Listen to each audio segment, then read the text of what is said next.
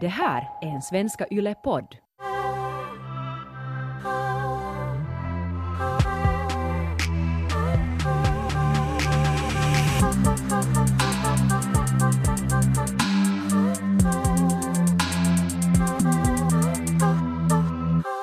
Idag är det I säng med Ronja och Taikas första frågepodd.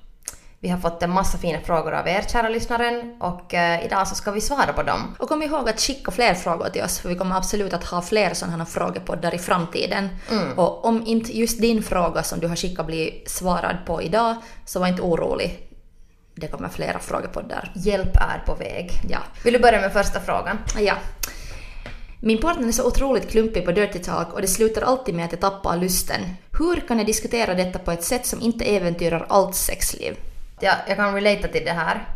Jag hade eh, en partner som vi brukar skicka så dirty pics till varandra. Och sen hans bilder var så awkward. Och det var liksom, det var ju roligt nog för att såklart att det är ändå sådär någorlunda påtändande. Men sen var det ändå sådär bara... Hans bilder var nu inte så hemskt sexiga. Det är ju svårt för att när alla, alla har olika sätt att uttrycka sin sexualitet och sin kåthet. Ja. Men jag tror att sådär, desto mer man kanske diskuterar och på något vis sådär bara håller den här kommunikationen jättestark. Så då kanske man hittar en gemensam uh, våglängd. Men om dirty talk inte är din partners styrka så då kanske det är bättre att bara skippa det och hitta någonting annat. För helt säkert finns det något som den är bra på. Ja, jag har nog haft sådana situationer så många gånger att man är sådär, säg någonting och sen är andra sådär, nej jag tycker inte så mycket om att säga någonting och sen det blir ju inte så sexig stämning så. Nej. Men Eller sen att den är bara sådär att din slida är så slemmig. Man är bara sådär nej. Ja, men kanske som med allt sexrelaterat, eller allt, allt som man måste där göra i sängen, som att liksom ge den andra tips, så för att inte döda det sexiga, så istället för att säga kan du göra det här, kan du göra det här, så, så säg liksom konkret sådär hej att kan du trycka på mig här, kan du kyssa mig här, kan du säga det här, som du sa att du brukar be din kille kalla dig för slatt. Mm. Så då är det så konkret. Att du säger hej kan du nu kolla mig för det här? Ja. Istället för att man säger snälla skulle du kunna säga något sexigt nu? Så då blir vi pressade shit shit vad är sexigt, vad ska jag säga? Att då, ge det där ordet. Man ger idéer. Ja. Ja. för det är ju sant att, att liksom, det var ju inte liksom, det, är inte min, det var inte min killes idé att börja kalla mig för en hora såklart. Ja. det skulle vara lite konstigt. Men, eh, men jag gav ju den idén till honom och massa andra grejer. Så att hej, att det här skulle vara jätteroligt. Testa. Och sen, ja. sen så kan man liksom, du kan mata in det där fröet till din partners hjärna. Om du vill sådär att okej, du vill att han ska säga någonting specifikt i dirty talk. Så ge den här linen till honom och sen i något skede kommer han att kasta den fram. Och det känns ändå lika nice som att han skulle ha kommit på den själv. Och sen kan han börja lära sig därifrån och kanske hitta på någonting eget. Men fundera först, vad tycker du att är sexigt? Hurdan dirty talk tycker du om? Och sen föreslå det till din partner. För att också om man ställer, om man bara kräver att Mm. nu gör något kiva men den andra vet inte vad det där kiva är så då blir det ju problem. Och till dig Ronja, du borde kanske ha sagt till ditt ex då när han skickade awkward sexbilder såhär mm, nice men kan du fota dig lite mer från vänstra vinkeln? Eller någonting så här kreativ feedback. Sant, ja. Mm, men sen, jag menar en downfall är ju här det att ibland så blir det bara så att det, man inte kanske är en bra sexuell match och det är också en, en jobbig sanning. Så var det med mitt ex i alla fall. Okej, men som du sa att det finns en massa olika grejer man kan testa på. Att om inte just dirty talk fungerar Det är sant. så finns det sen en massa annat. Absolut. Nu ska den här personen ha ställt den här frågan skriva upp en lista på sexiga ord som, som hon eller han eller hen vill testa i sängen. Och sen kanske mejla det till sin partner. Men jag måste också säga det bara att man måste nog kanske ha tålamod. För jag vet inte, kanske man ibland också har vissa förväntningar på vad någonting kan vara och sådär. Och att hur påtändande det skulle kunna vara och sen när ens partner inte möter de förväntningarna så kan det ju kännas jättetråkigt om det bara så att ah gud, att varför kunde du inte liksom låta sexigare när du sa det där. Men kanske istället försöker man sådär eh, tuna in till det som just din partner gör sexigt och se det sexiga i det. Att kanske det är sexigt att den här personen är awkward. Att det kanske det är liksom cute och att man försöker se det, gå, det, liksom, det som är upphetsande i det och inte sådär att okej den här partnern kan nu inte vara nu en sån här Ron Jeremy liksom sexsymbol men kanske det där sexiga är någonting annat. Okej, vi tar nästa. Vad är era bästa tips för långdistansförhållanden? Bäst, bästa Skype-sex? Vi är ju nu för tiden varannan fredag på Yle Extrem radio och puffar podden klockan nio, kom ihåg att lyssna. Och där när vi var senast så var det någon lyssnare som frågade faktiskt samma, att vad är era tips för långdistansförhållande? Och då svarade jag att brevväxling är, är mitt bästa tips. Jag har haft några lång, långdistansförhållanden och eh, det roligaste med det var nog så att, att skicka brev, alltså riktiga brev. Och sen skickade vi presenter till varandra också. Jag berättade att, att um, till exempel fick jag en pink ukulele och sen fick jag någon gång ett kort från Arnold Schwarzenegger museet typ i Schweiz eller Österrike eller någonstans. Och liksom, det, var, det var nice. Mm. Så det var liksom eh, att då var den här partnern jätteomtänksam, eller ni var båda så här kreativa med hur ni vill så här uppvakta varandra. Men det kändes så spännande för vi kände inte varandra alls så bra. Mm. Vi hade träffats på någon festival en sommar och sen hade vi haft en het romans och sen han bodde i Tyskland och jag bodde i Finland och sen um, istället för att då snacka en massa på Facebook så började vi brevväxla. Så var det mm. man väntade alltid att kommer det någonting via posten. Det kändes sådär extra att den andra har verkligen gjort eller ansträngt sig för att nu fundera på vad ska den skicka till mig, hur ska den skriva, vad ska den, hur en present. Så det, blev, nice. det blev som ett roligt spel. Ja, det, det låter jättekul. Men bästa Skype-sexet? För det, det tycker jag ju är typ, jag har aldrig själv varit i ett långdistansförhållande men jag har ju nog varit i andra länder när jag har varit tillsammans med någon och det där liksom Skype-sexet är ju jätteroligt. Okej, jag har inte haft Skype-sex sådär live för jag känner att det är lite awkward kanske. Att du är live på något vis där och vad ska du... För det känns ju lätt kanske att sitta där topless eller någonting eller kanske visa någonting men sen om du ska ha sådär full on visa dina könsorgan så sen på något vis det är inte svårt att få det att bli till en att det ser A snyggt ut och B känns bekvämt om den andra människan sitter där hela tiden i ändan. Om någon har bra tips för det här så eh, kör på. Men det som jag har i alla fall gjort är att man ska skicka bilder och små videoklipp. För sen kan du liksom lite kontrollera hur, de där vinklarna och du kan ju välja också sen den bästa bilden så, där, så det känns bekvämt för dig själv. Och sen eh, till exempel om din partner då skickar ett litet videoklipp på någonting som ser just jättehot ut. Så då är det just när du där i andra ändan sitter och runkar så då kan du liksom loopa det där klippet. Så att det är någonting som är hot liksom. Att för oftast vill man ju ha sig någonting som är väldigt påtändande i stunden. Men då använder man ju den andra människans som runkmaterial, då har man ju liksom inte sex. För om det är Skype-sex så är man ju båda där. Att det är så här, Men man är ju båda där för man är båda i, i varsin ända och båda, båda har liksom sex nog med sig själv för det är det ju ändå. så du menar att man skickar den här klippen så att båda håller på att runka? Båda, ja, båda är hela tiden aktiva. Det är liksom man vet ju att den andra är där och håller på. Men i alla fall så kändes det för mig mer bekvämt så att man kan lite kontrollera det där okej. materialet. Vi utgår ifrån att man alltid ska ha sex med folk man litar på, visst? Men Absolut. samtidigt om du skickar klipp till någon, så då blir ju de där klippen där hos den. Att om man har Skype-sex, så tänker jag mig att också någonting som är ganska sexigt och befriande med det, är att då är det den där stunden. Det blir inte kvar om du nu inte dejtar en asshole som Som typ tar screenshots. gör screenshot eller... eller Been there. Japp. Good. Håll ännu tre sekunder till. Oj, jag får ta traumor. Oj, stackarn. Mm. Men ja, jag tycker att det är kanske... För då... Det tycker jag som, att det är sexigt med Skype-sex är att, att båda måste våga. Att du måste liksom, fast ja, det kan vara lite svårt att visa saker, men man kan ju också ha ganska sådär sån sex att man är, båda är lite under tecken någonstans, att man inte visar allt. Mm. För det är ju ändå... Men Det, att man är där med varandra, du kan ändå se den typ i ögonen. ja, sant. Ja, det behöver inte vara sådär full on liksom här är mitt rövhål. Som jag kanske tänker att... ja, jag tänker genast att det där Skype-sex är det där flashande egentligen det här att se på mig men egentligen så har du helt rätt där att inte måste det ju ens vara det. Det kan ju också bara vara sådär att man ser, varandra, ser varandras ansikten. Men är det inte också lite awkward? Så att man sitter där och runkar och sen ser man varandras face. Men jag vet inte, alltså det är ju Därför måste man ju ha förtroende med den som man har Skype-sex med. För att det, ska, det är ju lite sådär spännande och awkward. Men på rätt sätt så kan det ju vara också jättepåtändande. Om man bara vågar vara där i stunden och inte tänka så mycket på sådär att Kanske det är så här hur att man ser ut och så vidare. brevväxla först. Kanske en, en liten eh, ett, en liten sexig bild i brevet. Ja, ja, exakt. En polaroid. En polaroid, lite sexig. Först brevväxling, först de här ukulelena och Arnold Schwarzenegger-korten. Sen om... sen, Specifikt dem, skicka ingenting annat. Det är ukulelen och alla Schwarzenegger-kort. Sen har det börjat kännas så att, att ni litar på varandra, så sen sexiga bilder med i breven. Och först sen, när man... När, när ni verkligen känner att nu är den här människan som du är i långdistansförhållande, kanske ni har träffats ett par gånger nu och det, liksom, det känns sådär att ni är tillsammans, så då börjar ha Skype-sex. För att då tror jag att också det är bra om man inte behöver vara så nervös för det. Alltså klart, alltså, att ha sex med någon första gången, är det sen in real life eller Skype så är det alltid nervöst.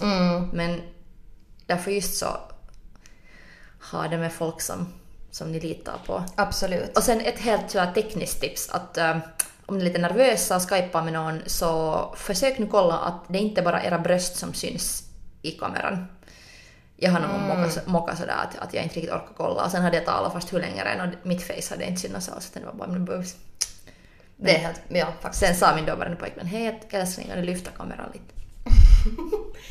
Men också så här real talk, om, om det råkar sig så att man har skickat en, en bild på sina boobs eller på sin rumpa och sen har någon sparat det och, eller det visar sig att det har varit en douchebag så då tycker jag att man ska inte känna sig skit över det. För det kan lätt kännas att man skäms om man har skickat någonting som någon, man har litat på någon och du har skickat kanske någonting och sen känner du dig jätte sådär liksom ashamed att du har gjort det. Och att hur fan, varför, varför skickar du den här bilderna? Så då ska man komma ihåg att det är liksom på den här douchebagens Ansvar. äh, ansvar och jag menar du, du är inte liksom på något vis billig eller att du borde känna någon skam, känna någon skam för att du har skickat någonting. Jag skickade till min kille så typ när han hade stuckit från mig så då skickade jag liksom direkt en bild på mina boobs. Så Och ni är tillsammans ännu? Vi är tillsammans och Ni har just flyttat in ihop och det var fint, ja. Men jag har också skickat till människor som jag inte kanske, jag menar, som inte har varit mitt livs kärlek och det är helt okej.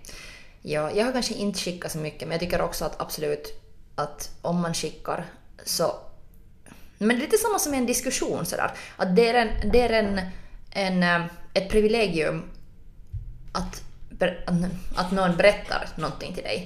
Och sen, sen liksom det, det är så nästa nivå att någon, någon delar med sig så intimt att skickar nakenbil- nakenbilder eller, eller någonting. Så då är det nog Alltså var inte en douche och Ja. använd inte någonsin fel.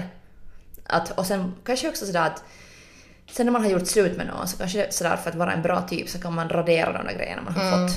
Jepp. tar vi nästa fråga. Vad är bästa sättet att inte känna sig ensam och dålig när man inte dejtar någon och alla med caps, ens kompisar gör det eller är i förhållanden? Sen, sen sådär i klammer står den här frågan cuddle season is coming up. Tack, tack om ni svarar sen. Såklart vi svarar. Och det här är en, det här är nog en säsongsrelaterad fråga. Såklart det är alltid störande om man fast den enda singeln i sin kompisgrupp, grupp, men särskilt just sådär på hösten. Ett konkret tips är att uh, gör roliga grejer regelbundet. Ja. Att ha, på hösten börjar ju en massa nya hobbyn. Eller det är en, hösten är en säsong för att börja, börja med nya hobbyn. Så se till att du har i kalendern så här tisdag, torsdag gör du alltid det. Liksom, tisdag går du alltid på drejningskurs, på torsdag går du alltid på yoga. Bestäm leffa dates med dina kompisar. Boka in dinners i förväg. Bjud in folk hem till dig. Alltså, Se till att, att eftersom man är sing, då när man är singel så är man ju jättemycket ensam. Så, och det som jag har märkt, märkt med par och också när jag själv är i ett parförhållanden att, att eftersom man aldrig egentligen behöver planera så mycket för att träffa någon Ja. så, så eller hur ska jag förklara? Så det känns lite jobbigt att sådär spontant att om någon sätter till mig sådär på söndag att hej ska vi ta en promenad så jag säger såhär åh orkar inte. Men- Liksom nu när du är i ett förhållande. Ja, så jag säger ofta orkar jag inte. Men om någon är såhär, hej kan vi ta en promenad om två veckor? Så jag säger okej, yes. Och sen sätter vi det i kalendern. Och, och då håller vi fast vid det. Eller dinners. Okej. Jag har mycket lättare så här. Ah, ja, okej. Alltså jag skulle önska att mina singelkompisar skulle vara mer så här, hej kan vi fara nästa torsdag och kolla på en film? Hej kan vi, kan vi eh, kom hit. Och sen jag kanske också att, att singlar ofta förväntar sig att, att en massa par och andra ska bjuda dem någonstans. Men att, att man måste komma ihåg att vänskap och människoförhållanden går liksom both ways. Att jag lovar till den här som frågar att, och till alla singlar att ju mer de, ni bjuder folk hem till er och ju mer ni föreslår saker Ja. så kommer folk också rädda tillbaks till er. Då när jag har varit singel så då har jag så mycket, jag har i alla fall själv så mycket energi för socialt umgänge. Ja. Och jag liksom, eftersom man kanske också lite inte, man vill inte liksom vara ensam alltid. Nu är det ju jättebra att kunna också vara ensam hemma och kolla en film och inte känna sig misslyckad. Det är superviktigt och någonting som man ska träna på också, så där att njuta av det och ta hand om sig själv. Men eh, om man har energi för att söka umgänge så är det ju liksom det bästa sättet att du hittar på ett helt annat sätt än när du är i ett förhållande så kan du hitta nya bekanta. Och via dina vänner så kan du hitta nya vänner och, och liksom din, din, din umgängeskrets växer. Och det är ju det som är så roligt med att vara singel, att man satsar på de grejerna som eh, liksom bara att man njuter. Ja. Vad det än är, är det sen yoga eller att festa eller att träffa människor. Dreja. Eller att dreja. Men det var det jag menade just med nya hobbyn och att bestämma dinners och fester. Att man håller sig sysselsatt och fixar så att man har sådana saker man gör ensam men också med andra, just som man själv tycker jättemycket om. Mm. Utan att vara sådär att om du är ensam en sekund så dör man. Att om man känner det så då tycker jag att då vet man att okej det här är någonting som jag måste träna på. Men till exempel när jag var singel så jag får jätteofta på bio ensam och jag Mm. älskar det. det. Jag borde göra det mer nu för tiden också. Alltså jag får jätteofta, särskilt på söndagar, ensam på bio. För att då, söndag var ofta en sån dag som hemskt många av mina kompisar som var i parförhållanden bara mös hemma med sina Mm. partners. Så då får jag ensam på bio istället. För då känner man en vara lite med andra människor men att... Och man får in lite så här någon slags kreativ inspiration kanske. Ja, och sen får jag också på konstutställningar ganska ofta på söndagar ensam. Att, att eh, det var inte bra att stanna hemma, för då kände jag mig ensam. Men att om jag gjorde någonting ensam, någonting som jag var intresserad av, så blev den dagen plötsligt ganska inspirerande och nice. Mm.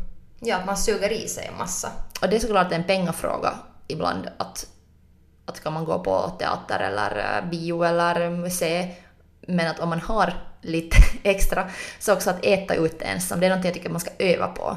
För det är ganska konstigt att sätta Ja. sig ner i en restaurang och bara, alltså, jag- dinner, alltså att middag, äta ensam. ja, ja, lunch, lunch är ju för, jag menar ofta är ju människor ensamma på lunch och man tittar på sin telefon, det tycker jag är jättetrevligt.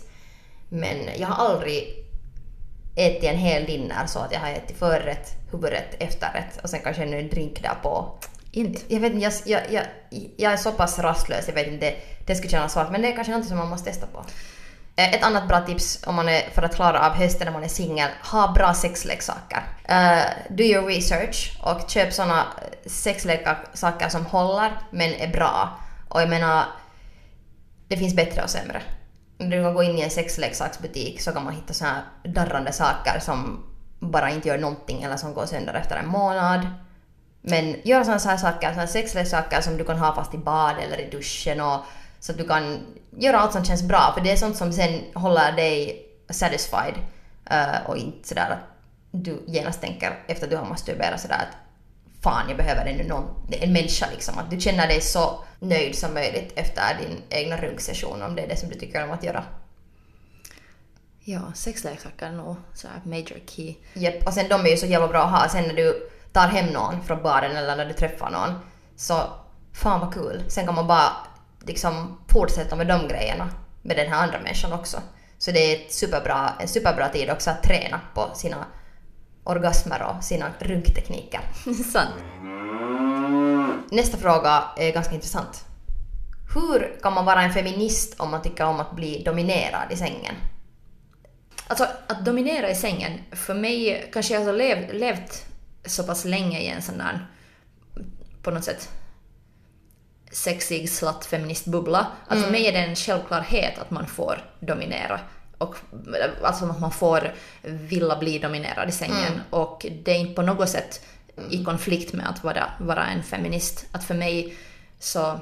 Jag, jag, jag blir lite så här, var ska jag börja med den här det, frågan? Det, det, ja, för att för mig så liksom feminism och jämlikhet är ju valet att få göra vad man vill.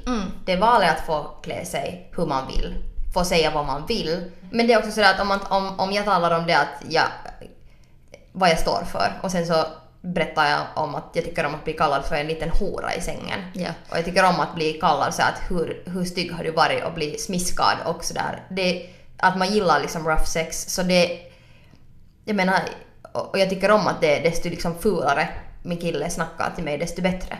Men det är just det att, jag menar, jag har ju upplevt den sådär, den sortens behandling i form av sådär hur människor har, eller män har liksom behandlat mig på riktigt. Så på något vis så kanske det ger mig en satisfaction att, att göra en lek av det. Just att det är en lek och inte på riktigt. Och det är det som är en lek någon som du slags- styr ändå. Du Precis. har makten där. Och det ger ju mig kontroll. Så det är liksom kanske den där, om man tänker helt så här tekniskt, eller vad som är sådär eh, logiken där. Så det är ju liksom, det är ju befriande. Och därför, speciellt när det handlar om sex och sexualitet, så det är där vi får liksom leka med alla, allting. Och det, här, det finns inga sådär regler för att nå, du tycker om det här, så då måste du ju vara sån här. Det är liksom, du kan vara vad som helst Eh, eller du, du kan ju tycka om att också att, att du är en boss i riktiga livet men så tycker du också om att dominera i sängen. Exakt. Och sen alltså ma- maktspel, maktbalans, maktdominans. Um,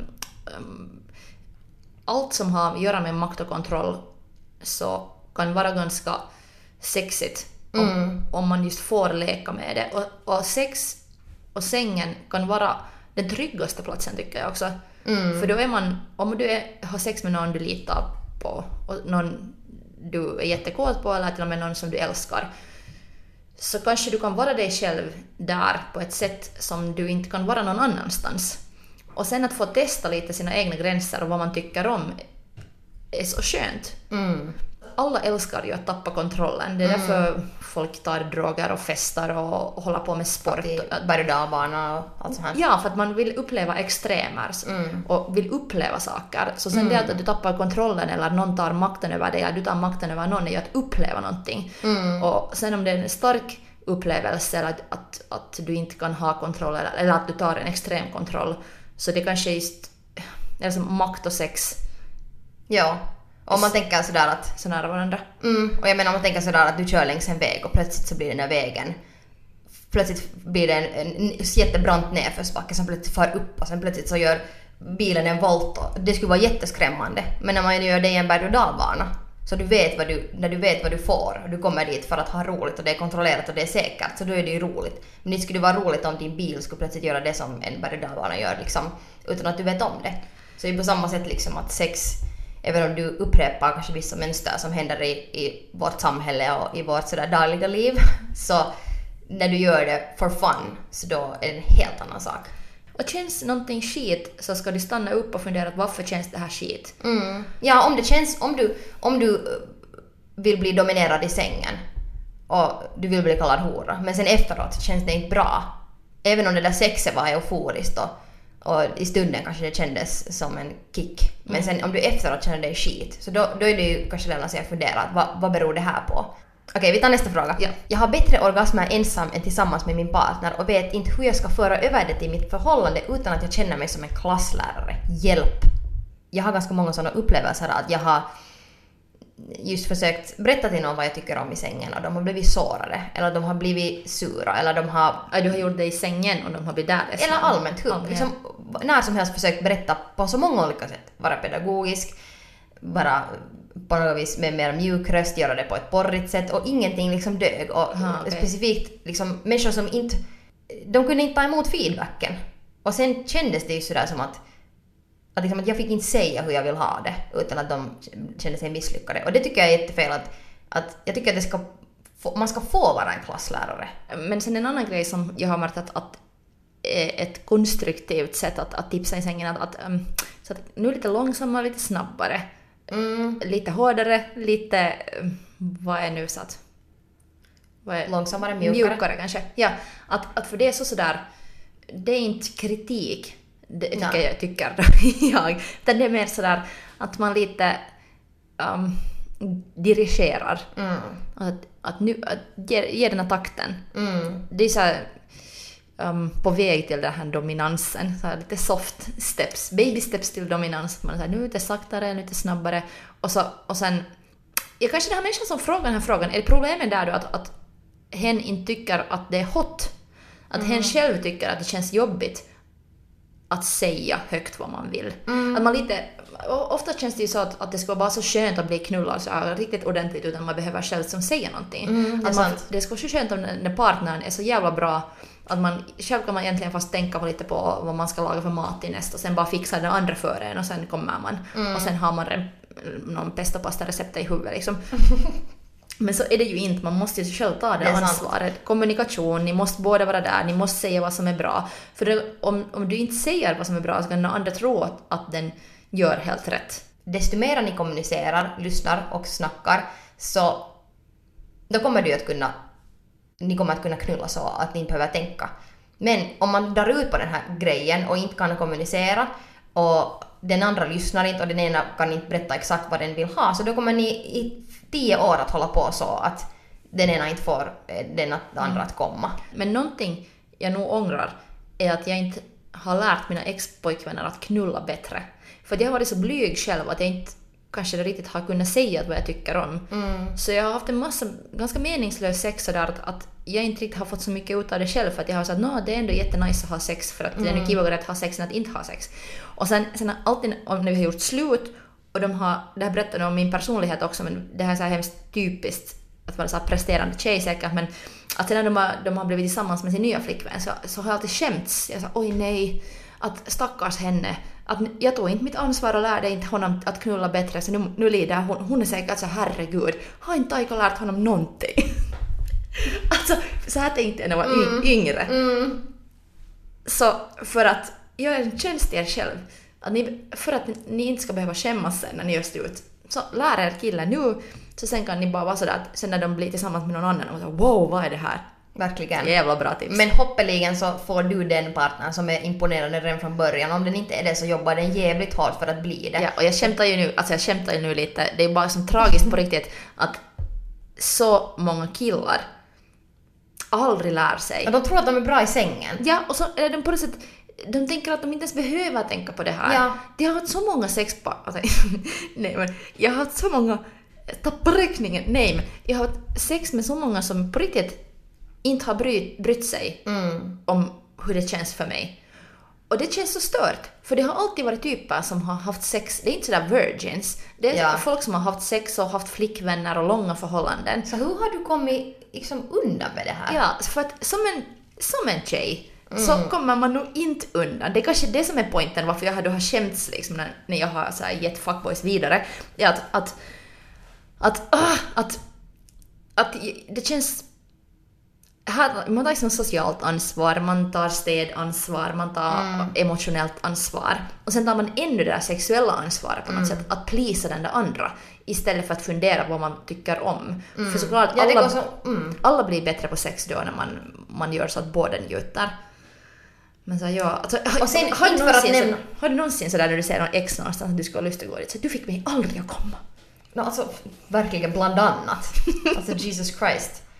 Men eh, ja, det, det är helt för vanligt och alltså killar som inte kan få tjejer att komma, så det är ju en sak. Det är ju klart att det är oförskämt och det är ju helt horribelt, men de skulle kunna ha så mycket bättre sex själv också. Så att, att tänker de inte på det att om de lär sin tjej att komma, så deras sex, allting, njutningen, orgasmerna, allting kommer bli så fucking mycket bättre. Att det är inte bara det där att, att du ska sen vet du, bara gå ner på din tjej i fyra timmar och du kommer inte få njuta själv, utan du får också njuta. Så att, med, att vara mera osjälvisk i sängen ger dig mera. Ja. Och det, kommer, det, det tar det sexet till sådana sfärer att det är helt galet. Men det är sådär basic boy behavior. Och nu får ni skicka så här, inte alla basic boys meddelanden till oss om ni vill. Men alltså basic boy behavior och tycka att, att alltså man har lärt sig den hemifrån så att man behöver inte riktigt kunna något eller vara riktigt något, man, man har ändå rätt att existera och vara. Så det är liksom det är beteende som man också har i sängen. Så att inte behöver jag egentligen göra så hemskt mycket, jag kommer ändå och sen det är liksom nice. Mm. Alltså den, jag, kan, jag kan inte säga tillräckligt mycket hur viktig kommunikation är. Om man inte snackar med sin partner så det är helt fucking omöjligt att få att uppnå en sån njutning som är på den nivån som när du är ensam. Och också det att, att jag får lite sån känsla av den här personen du säger att så, så att jag inte känner mig som en klasslärare. Så upplever den här personen då att det är liksom sådär på något vis en dålig sak att berätta och det är det som jag är orolig för. Att du måste få vara en klasslärare och det betyder ju inte att du är sådär gör så här, nej, nej, nej, nej. Men att bara få, att få lära, det är en så viktig grej och en värdefull grej. Ja. Som ett privilegium när någon gör det till dig. Så Exakt. fucking lyssna då när de gör det. Eh, hur kan man hitta en partner för casual sex utan klyschiga hämta hem från baren-storyn? Det här är typ en sån fråga, den här frågan som söker specifikt efter casual sex. Inte efter någon att dejta, inte efter eh, liksom, det är bara den här casual sexet som nu intresserar. Så då tror jag att, att alltså, datingappar eh, på det är nog bra för det här, för att det är så lätt att säga där vad man vill. sant. Men eh, sen om det igen, jag har många kompisar som, som säger att, att Tinder inte alls är för dem och de, de vill inte alls fara dit. Mm, Ja. så, så, och många kompisar också som har varit så att ah, Finland känns så litet, att man får så här klaustrofobi om man, om man här Mm. ska försöka göra någonting. Det- Okej, om man får på semester så, så sätter de på Tinder. Eller om Ja. är utomlands så känns det mycket easigare att ha en semesterromans eller ha cas- casual sex för att då vet man att kanske ingen som man känner får reda på det och sådär. Ja, man behöver ju typ se sin bror där i Tinder-feeden. ja, ja. Så, så då skulle jag säga att, att Instagram istället för Tinder kanske också. Mm. För Instagram så är det så lätt att um, nå ut runt världen. Men sen också casual sex, det här är kanske ett farligt tips på det sättet att, att det här är inte på något sätt enkelt att hålla det sen på något sätt casual. Men snacka med kompisar som, som är i lite samma situation. Och kanske nu inte bästa vännen, men, men sådär kompisars kompisars på någon fest och du säger åh jag skulle vilja ha lite casual sex. Eller sådär.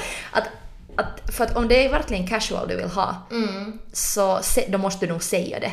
Att Alltså det så är det ju för då, då, har, då sätter du ju en gräns. Ja. För att om du är sådär att, att du är okej med casual sex men om det nu leder till någonting annat så då är det så. Att du, du har inte liksom någon pressure på vad du vill ha. Så då kan du ju mer göra det här liksom att du som jag tycker att är, känns det bästa för mig för jag kan lätt när jag har varit singel så får jag sån här pressure liksom att antingen måste jag träffa någon eller inte träffa någon, att jag måste göra ett beslut vad jag ska göra.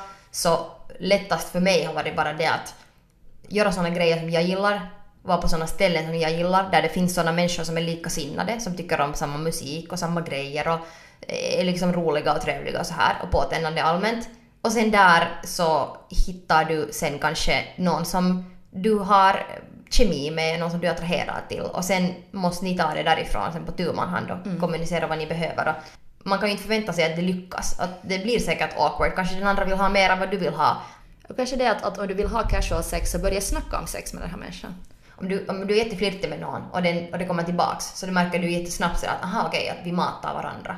Och sen kan man ju alltid ta det ett steg längre sådär att du börjar tala om typ, inte vet jag, du kan kasta fram någonting sexuellt och sen ser du ju att om den här människan också säger någonting tillbaks eller är lite sådär haha okej. Visste du att pandan har sex gånger i veckan sex? Vet du? Någon så här eh, random trivia av sex och du bara slänger ut. Som är smalltalkigt men ändå leder på rätta banor. Hej, ett bra tips är också t-skjortor med tryck, med sexiga tryck. Till exempel den här klassikern, en t-skjorta där det står I'm a virgin, sen under det står det i klammer, så här, i parentestecken, This is a very old shirt. Att börja ha sådana kläder på det är dig när du är ute. det, ja, lite break the ice och starta en diskussion om sex. Ja. Ja. En t-skjorta där det står I wanna have casual sex skulle ju också kunna då fungera. Mm. Eller att typ om du träffar någon på baren, om ni sen går på en dejt så kan du ju plötsligt bara sådär, din vibratorsamling kan ju så falla ur väst, väst, väskan i misstag och så kan ni börja snacka om det. Eller typ du kan i smyg så här sätta på en vibrator i väskan så det börjar darra där. Zzz, så måste du ta... Oj herregud förlåt, alltså jag glömde, jag, jag är lite försenad idag, jag måste ta en liten session här för alltså jag har så, alltså det är helt sjukt hur mycket behov jag har nu, jag ska bara vilja knulla någon. Eller tatuering, det är alltid jättebra. Jättebra tips till alla. Man tatuerar in här på hand, någonstans var det syns i pannan typ någonstans. Casual sex lover. Så blir det nog klart vad ni Ja. vill ha. Eller sätt en uh, annons i HBL. Kyrkpressen. Tack Ronja. Tack Taiga. Perfekt. Gå och knulla, gå och runka, treat yourself och eh, kom ihåg att Ehm, vad hette det? Kom ihåg att fuck yourself.